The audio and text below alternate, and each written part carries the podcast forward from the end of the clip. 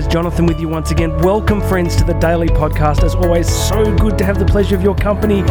Got some great emails over the weekend from many of you sharing all the different um, places and spaces and experiences in which you're listening to the content. So I'm really glad that it is useful to you. Uh, please make sure you have subscribed to this podcast. Hit that subscribe button and please share this with as many family and friends as possible. Stick it on your social feeds and go check out the links because go and check out the uh, the coaching link. If you want to get a coaching call with me for business for any area in your life where you feel stuck you want to grow go and book that coaching call. There'll be a link here on the podcast app. Go and check it out. There'll be a link on my emails when you get them. Go book yourself a coaching call. Today friends I've had a big morning up as usual around 4 a.m. Uh, came into the studio, did a bunch of work. What else did I do?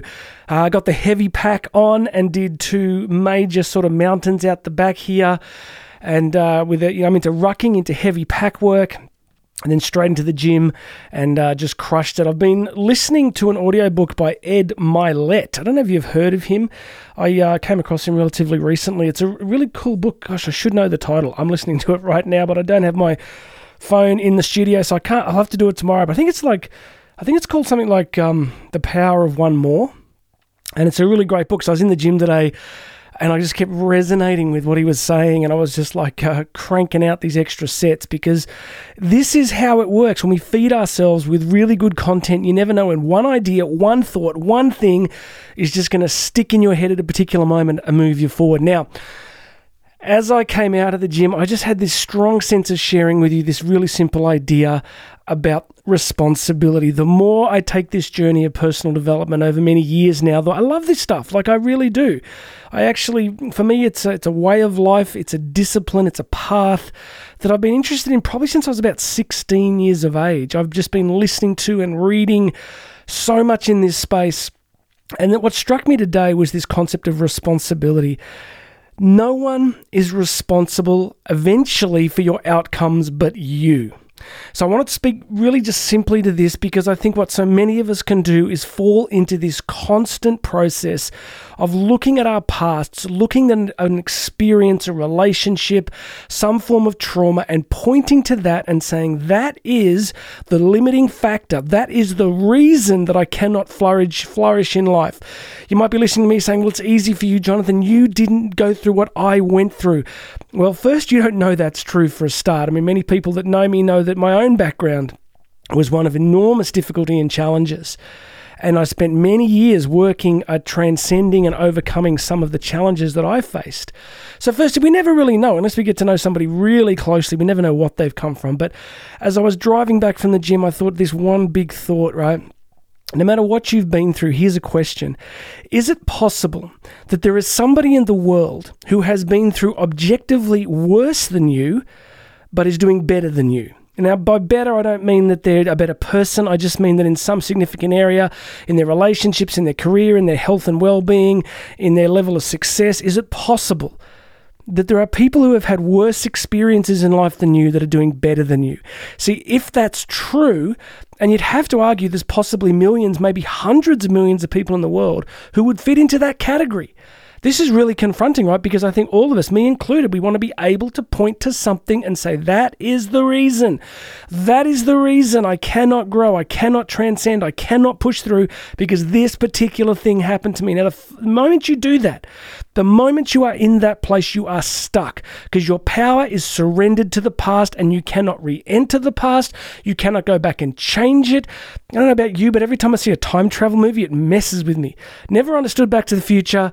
Uh, recently, my kids and I watching The Adam Project didn't understand the, the, that either. We can't go back. We can't change our present or our future by going back into the past. I mean, I guess you could say we can reconcile with the past, we can extrapolate the lessons from the past. But, friends, if we give the past and the trauma all that power, we surrender our responsibility and we stay stuck. Now, this is confronting. Some people get really angry at this point because they go, You don't know what I went through. And I, like I've said, I don't. But I do know that I want you to stay there. I don't want you to stay there.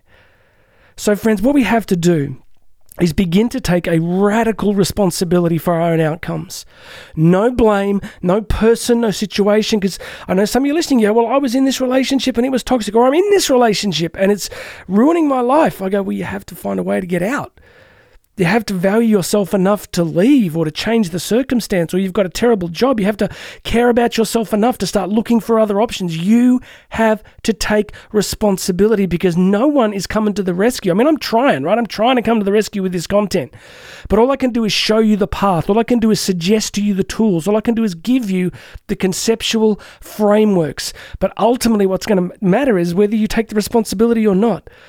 Friends, this is not easy, and this is why so few people ever, ever attain what they want in life.